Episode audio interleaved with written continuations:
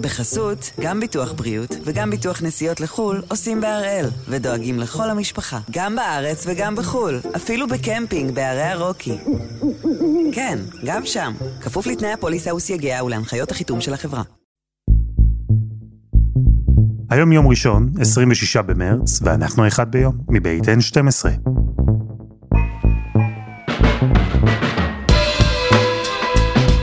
אני אלעד שמחיוף, ואנחנו כאן כדי להבין טוב יותר מה קורה סביבנו, סיפור אחד ביום, בכל יום.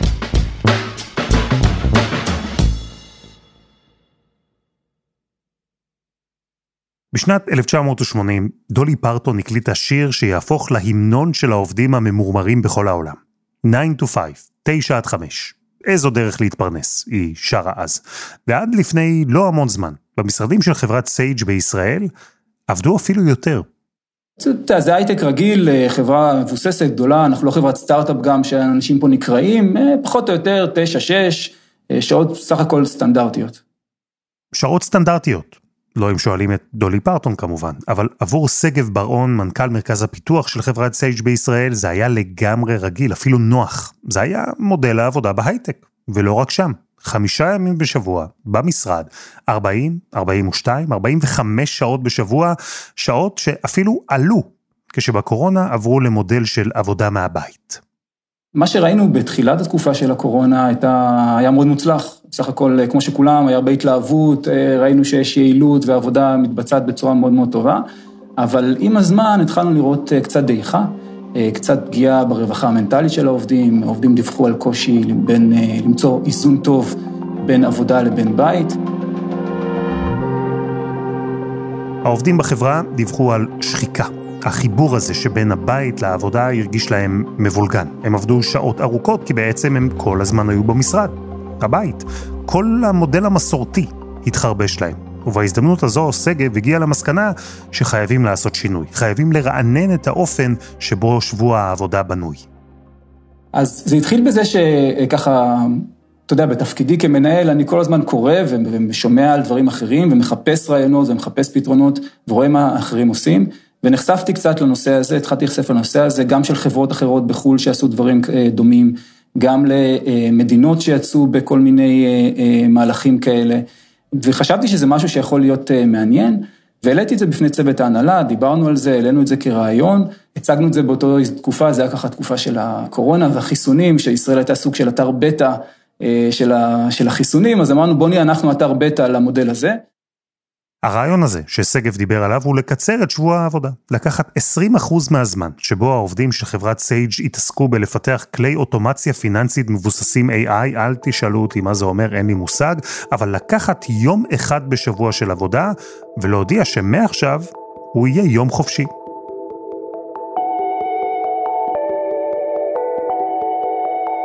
ההנהלה השתכנעה לעשות פיילוט של שנה. שנה שבה העובדים בסייג' יעבדו מיום שני ועד יום חמישי, ארבעה ימים בשבוע, ובשישי עד ראשון, נאדה. מחשבים סגורים, טלפונים על שקט.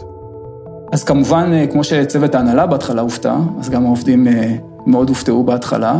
ככה אני זוכר את המבטים ימינה ושמאלה כשאני מודיע על זה, לא, לא כך, אפילו לקח זמן להבין בכלל מה, על, מה, על, על מה אנחנו מדברים.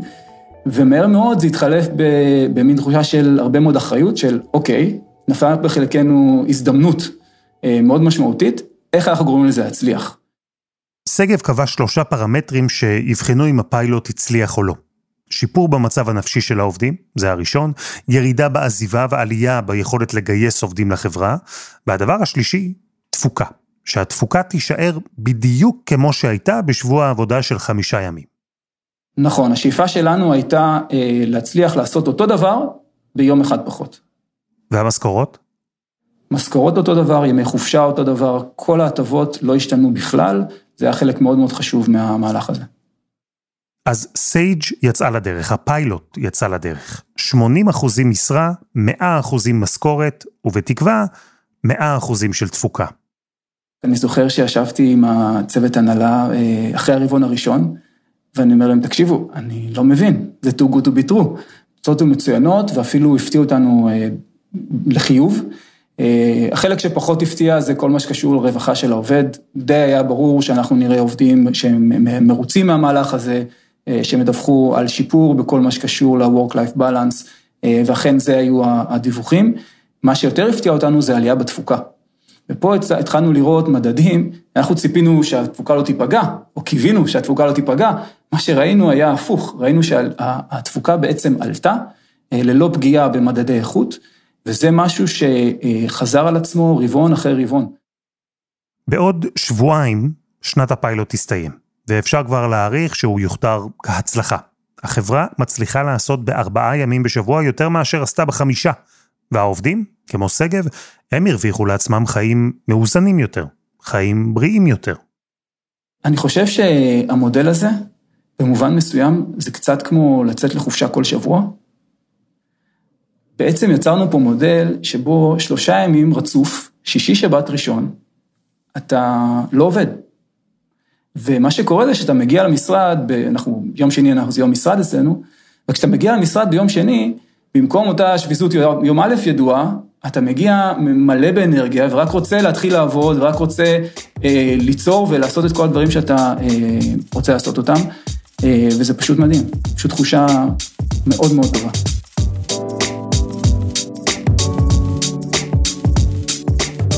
אז הפעם אנחנו עם היוזמה שתופסת תאוצה בעולם, אולי גם בישראל, לקצר את שבוע העבודה לארבעה ימים.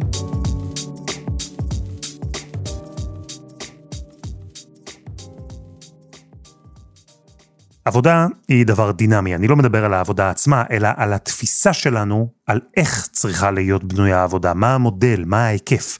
אם פעם, לפני מהפכות לזכויות עובדים ולפני חוקים סוציאליים, ראינו עבדות, העסקת ילדים, שבוע עבודה שיכול להגיע גם ל-80 שעות ויותר, אז אחריהן התעצב לו מודל שבמשך עשרות שנים נשאר די קבוע.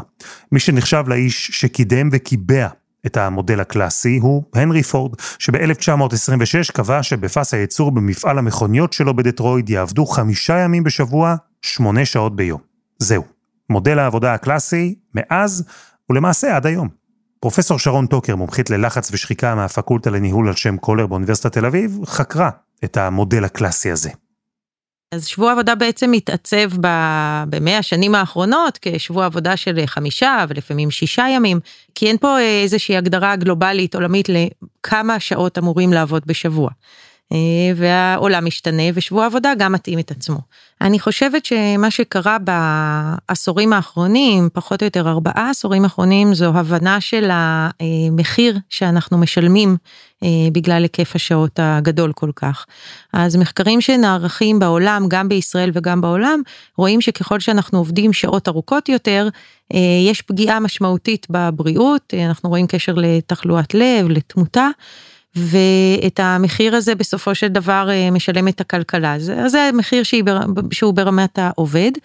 מחקרים אחרים מראים שאין קשר אה, אה, ישיר בין כמות שעות העבודה מרף מסוים לפריון. המחקרים בעולם הלכו והתרבו. השיח גבר. איך אפשר לבנות מודל עבודה חדש שמצד אחד שומר על העובד מאושר ובריא, אבל מהצד השני לא פוגע ביעילות שלו, לא פוגע בתפוקה שלו. היו הרבה שאלות. ובשנת 2015 איסלנד החליטה שהיא רוצה למצוא גם תשובות. הם התחילו ניסוי בהשתתפות 2,500 עובדים מהמגזר הציבורי וועדי עובדים. קראו לו בעולם ניסוי לשבוע העבודה של ארבעה ימים, אבל זו הייתה טעות. הם לא מקצרים לארבעה ימים בשבוע, הם מורידים את שבוע העבודה מ-40 שעות ל-35 עד 36 שעות, ומה שחשוב, הם לא מורידים את השכר. זאת אומרת, הניסוי הזה, תעבדו פחות שעות, לא נפגע בשכר, ובואו נראה מה קורה. זה אולי נשמע קטנוני, אבל ההבחנה הזו חשובה. חלק מהעובדים באיסלנד היו יכולים לקצר את שבוע העבודה שלהם ביום אחד לארבעה ימים. אחרים לקחו את השעות החדשות וניסו לחלק את הימים מחדש. חמישה ימי עבודה, אבל עם פחות שעות בכל יום. עובדי משמרות חילקו את המשמרות מחדש. עובדים עם ילדים העדיפו למשל לחתוך מוקדם מהעבודה, להספיק לאסוף את הילדים מבית הספר או לפזר אותם לחוגים. הניסוי נערך גם במשרדים, אפילו בבתי חולים. המדינה הוציאה מיליונים כדי לגייס צוותים רפואיים חדשים שיעבדו בשעות שקוצצו לצוותים הרגילים. איסלנד נכנסה לניסוי הזה בכל הכוח. והניסוי הזה נמשך עד 2019 וזוכה להצלחה מאוד מאוד גדולה. זאת אומרת, רואים גם שיש שיפור עצום ברווחה של העובדים, וגם אה, אה, ירידה משמעותית בעזיבה של עובדים בהיקפי אה, שחיקה ולחץ וכולי. ובעצם נכון ליוני 2021, שזה שנתיים מתום הניסוי, ותקשיב טוב, 86 אחוז מהעובדים באיסלנד עברו לעבוד בשבוע עבודה מקוצר, שזה באמת מדהים, כי אני שוב מדברת גם על המגזר הציבורי שאמור לתת שירות בעצם שבעה ימים בשבוע. תראו, שווה להגיד כמה דברים על הניסוי הזה באיסלנד. זה נכון שהוא הוכתר כהצלחה אדירה. זה נכון שאחריו רוב המשק האיסלנדי עבר לשבוע עבודה מקוצר. זה נכון שהעובדים התלהבו והתפוקה שלהם לא נפגעה, לפעמים אפילו עלתה. במשטרה האיסלנדית למשל, הצליחו להעלות את מספר התיקים הפטורים במהלך הפיילוט הזה. אבל המודל החדש לא מתאים לכל ענף, הוא לא מתאים לכל חברה. וחלק מאלו שקיצרו את שבוע העבודה שלהם, הורידו בסוף לעובדים בסך הכל כמה דקות בשבוע. ובכל זאת, הניסוי האיסלנדי גרר המון תשומת לב, כי המסקנה שלו הייתה שמודל עבודה חדש הוא דבר אפשרי. אז יש למחקר הזה הרבה מאוד הדים, הוא מתפרסם בעולם, ובעקבותיהם מתחילים מיזמים אה, נוספים. גם אה, ממשלת ספרד מתחילה בניסוי כזה, זאת אומרת, אנחנו שומעים על יותר ויותר אה, יוזמות מקומיות במקומות שונים בעולם. זה מתחיל להיות, אתה יודע, שוק תחרותי. זה שוק שבו ארגונים רצו למשוך אה, עובדים, והנושא של איזון בית עבודה הוא תפס הרבה מאוד כותרות, והנושא של גמישות בשעות עבודה, עוד לפני הקורונה, גם תפס המון המון כותרות. יש פה הרבה מאוד כוחות שפועלים, ובעצם יוצרים עניין סביב הנושא הזה, ואז באמת מתחילים ניסויים שהם אה, אה, בקנה מידה יותר גדול, כדי לבדוק את ההשפעה.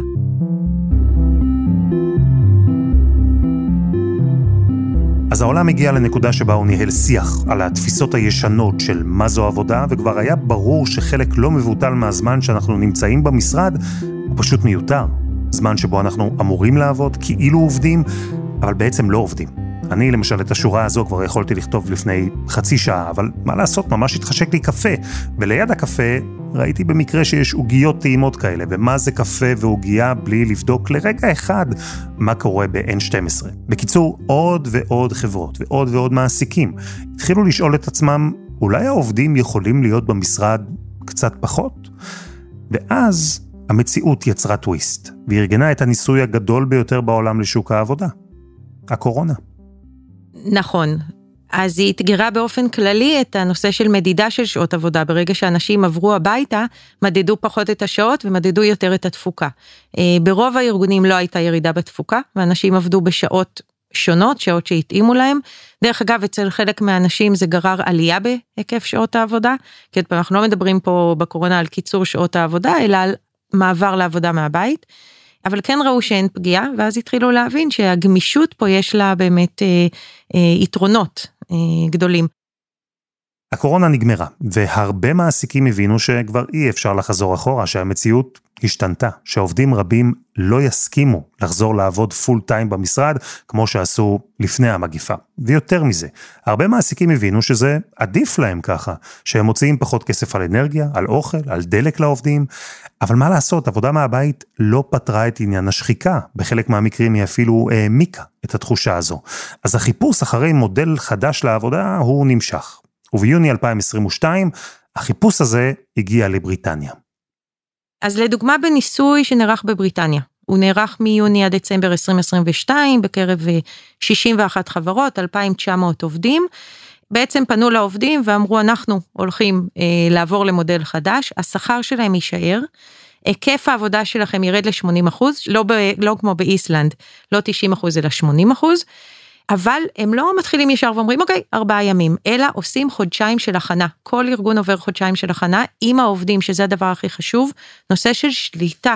אה, בכלל תחושת שליטה זה דבר שהוא קריטי ולכן אם העובדים מתכננים עושים סדנאות נפגשים עם יועצים נפגשים עם ארגונים שכבר קיצרו ובעצם מתכננים איך נעשה משהו שמתאים לארגון. 61 חברות, 2,900 עובדים מתחום השיווק, פיננסים, קמעונאיות מזון, שירותים דיגיטליים. במשך חצי שנה הם עבדו ארבעה ימים בשבוע. אם מסתכלים על מה שקרה אה, בסיום, אז ההצלחה הייתה אה, מסחררת. מתוך 61 הארגונים, 51 ממשיכים עם זה, זה 92 אחוז.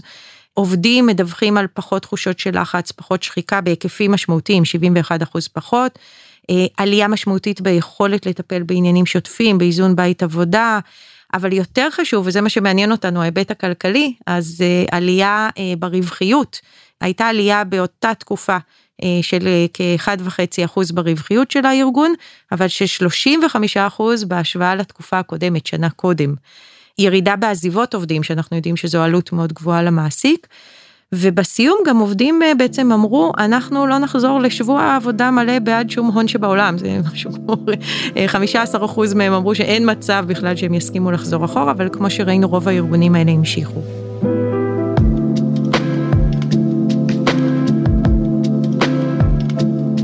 חסות אחת, וממש מיד חוזרים.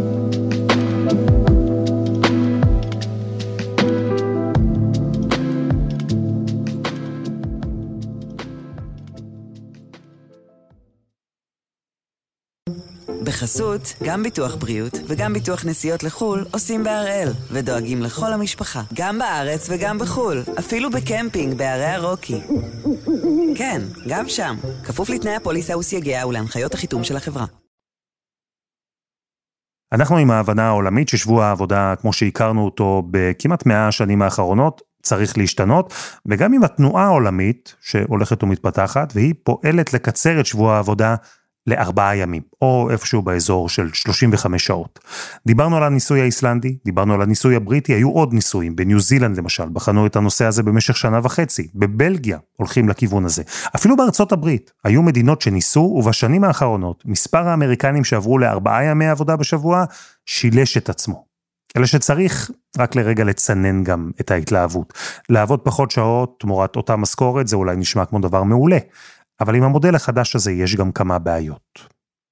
יש מקומות עבודה שבהם באמת אי אפשר להוריד את אה, שבוע עבודה לארבעה ימים, אה, תעשייה, קופאים בסופר, אה, מסעדות שפועלות, זאת אומרת יש מקומות עבודה שבאמת פועלים בהיקף כזה, היקף שהוא מלא, ואתה שואל את עצמך, אוקיי, אז מי ממלא, מי ימלא את המשרות האלה? וכאן באמת מתחילה בעיה משמעותית. אה, כי יש לנו סוגים שונים של עובדים. אם אלה עובדים שעובדים במשמרות וכל אחד יכול למלא את מקומם, אז אתה אומר, אוקיי, אולי אני אה, באמת אתן לכל אחד מהם לעבוד, הקופאית בסופר תעבוד ארבעה במקום חמישה ימים. עכשיו יש debate האם זה באמת מעלה או לא מעלה את הפריון שלה, אם היא עובדת פחות ימים. כשהשיח התחלף ובמקום להתמקד במספר השעות שהעובד נוכח בהן, המעסיקים התחילו לבחון את התפוקה שלו, אז יש מקצועות שבהן אפשר לומר שלתת לעובד מנוחה ולשפר את האיזון שלו בין קריירה לבין הבית, שכל אלו יכולים לשפר את התפוקה, כי העובד יגיע רענן יותר, יחשוב באופן חד יותר, הוא יהיה יותר מפוקס. אבל התבנית הזו לא מתלבשת טוב על כל מקצוע או על כל עבודה.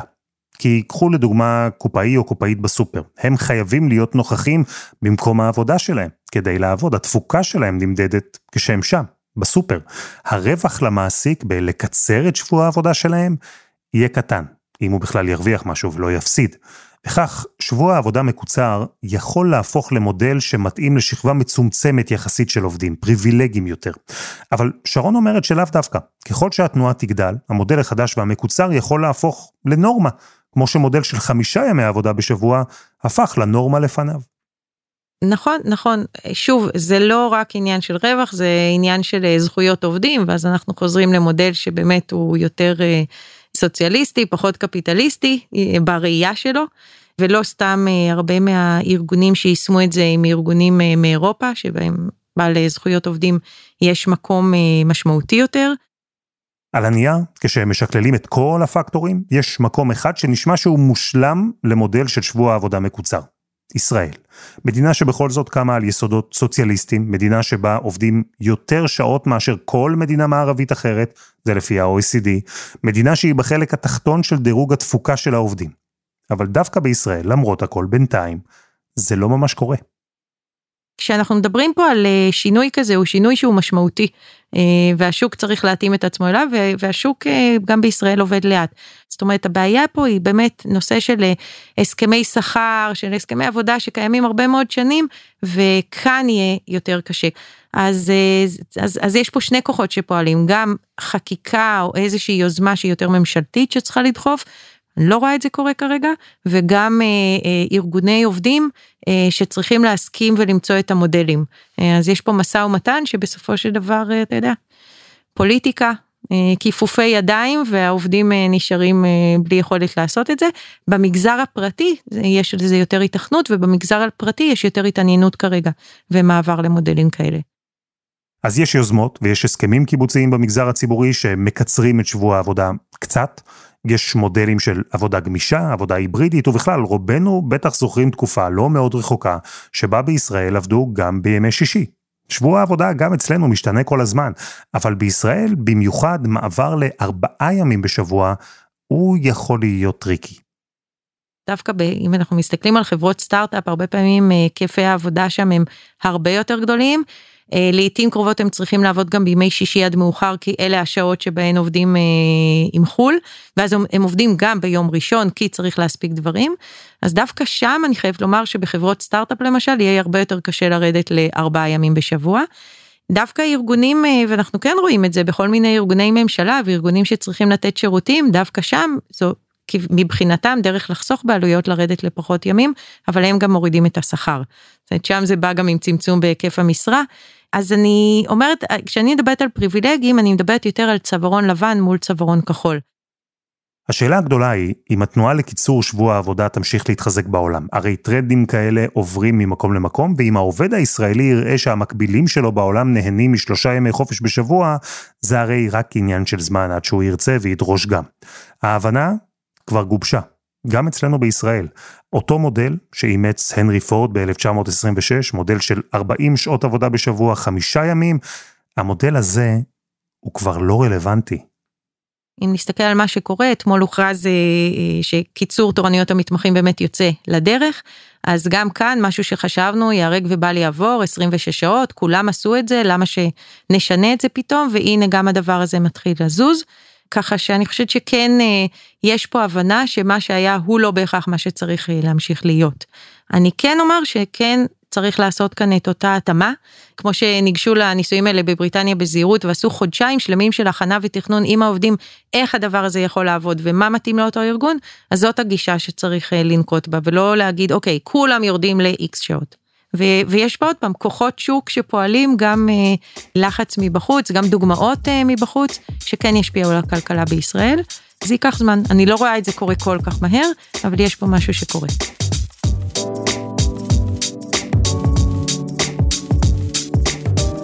פרופסור שרון טוקר, תודה. תודה רבה.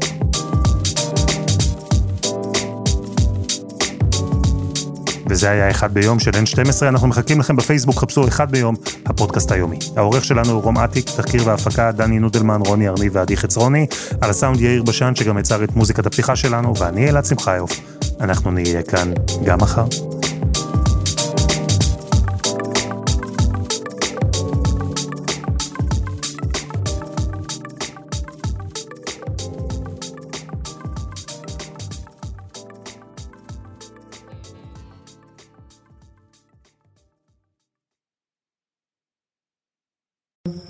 בחסות, גם ביטוח בריאות וגם ביטוח נסיעות לחו"ל עושים בהראל, ודואגים לכל המשפחה, גם בארץ וגם בחו"ל, אפילו בקמפינג בערי הרוקי. כן, גם שם, כפוף לתנאי הפוליסה וסייגיה ולהנחיות החיתום של החברה.